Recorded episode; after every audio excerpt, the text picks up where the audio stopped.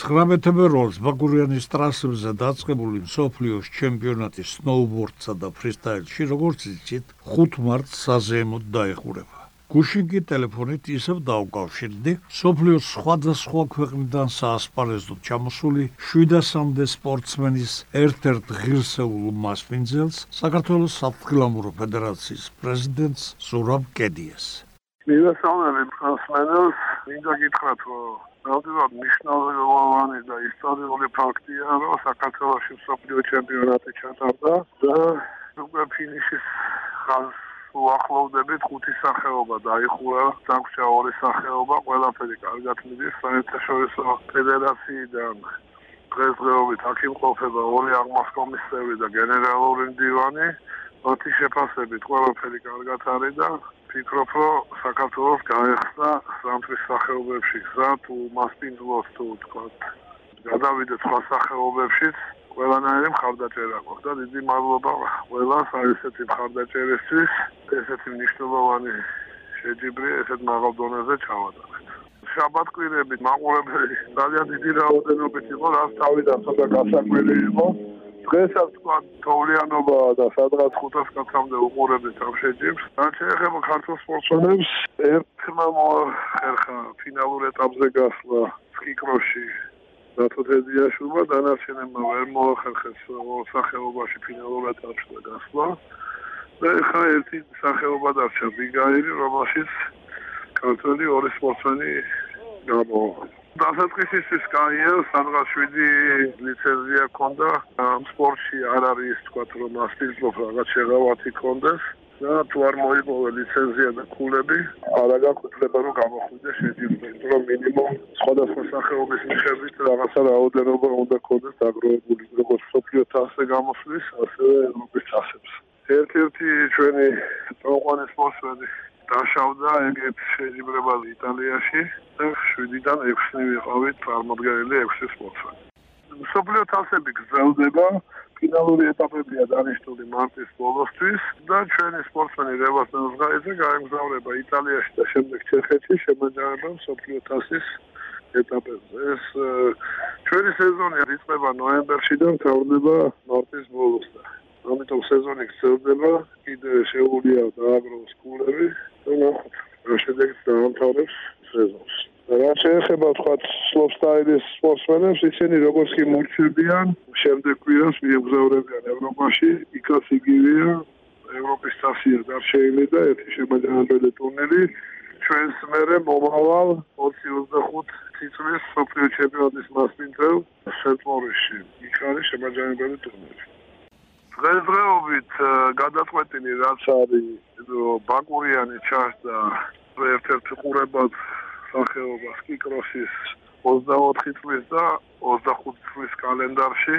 ეს იმას ნიშნავს რომ შემდეგ წელს უკვე დაიმკვიდრებს ბაკურიანი ადგილს საერთაშორისო სოფლიო თასების შემონათვალში das იმას ნიშნავს რომ ის ეტავა რომ უკვე სტაბილურად ჩასდება სოფლიო თასების კალენდარში ასევე ცდილობა გქონდა და დავიწყეთ მუშაობა რომ გუდაურშიც ჩავატაროთ შეჯიბრი საერთაშორისო ფედერაციის ექსპერტები უკვე ორი დღით გაემგზავრნენ და დაათვალიერეს და დაიგეგმა რომ 11-14 აპრილს ჩამოვლენ გუდაურში.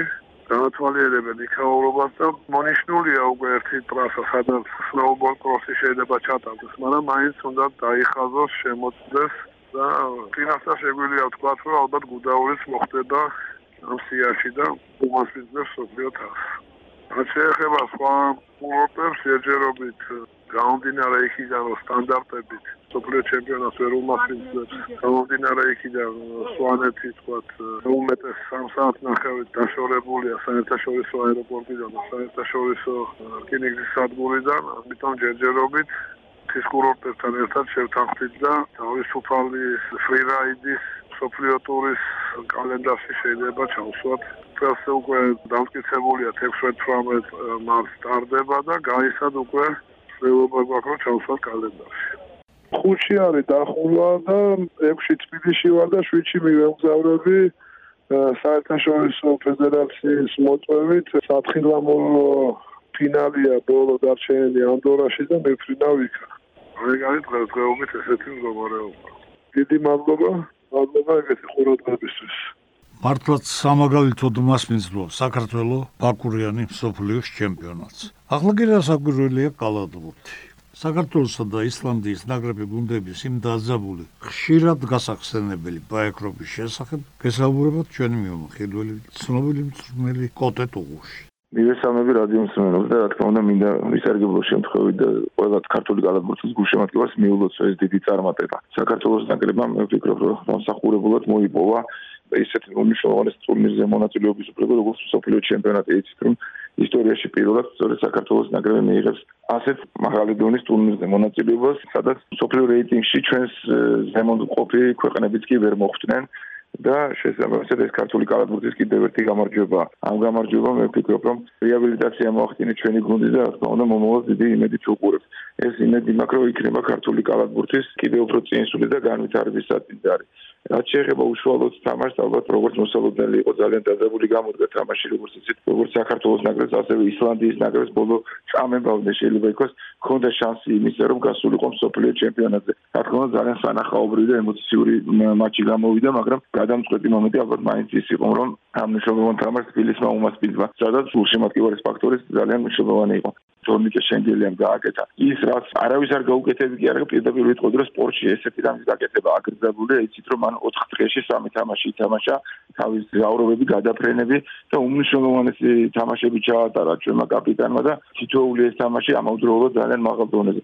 რა თქმა უნდა, როცა კაპიტანი ესე იხარჯება და მისი მიდგომა ესეთია, საქმის მიმართ ფიქრობ, რომ დანარჩენ მოთამაშეებს აუბეს მხარი და მაქსიმალური გააკეთეს. ნუ გიორგი შერმადი წლებია და უკვე მან მიგვაჩვია ის, რომ ყველა თამაში სტაბილურად თამაშობს, ის ჩვენი გუნდის ლიდერია და ერთ-ერთი უნიშნულოვანესი მოთამაშე და სწორედ თორნიკე და გიორგი იყვნენ ის მოთამაშეები. მაკფარდენთან ერთად გათხოვნა უნდა არ მინდა რომ ვინმე გამომჩეს მათთან ერთად რომელებაც საფუძველი ჩაუყარეს ამ ჩვენი ეროვნული ნაკრების ესე დიდ წარმატებას. რა თქმა უნდა დიდი მადლობა მათ ამისთვის.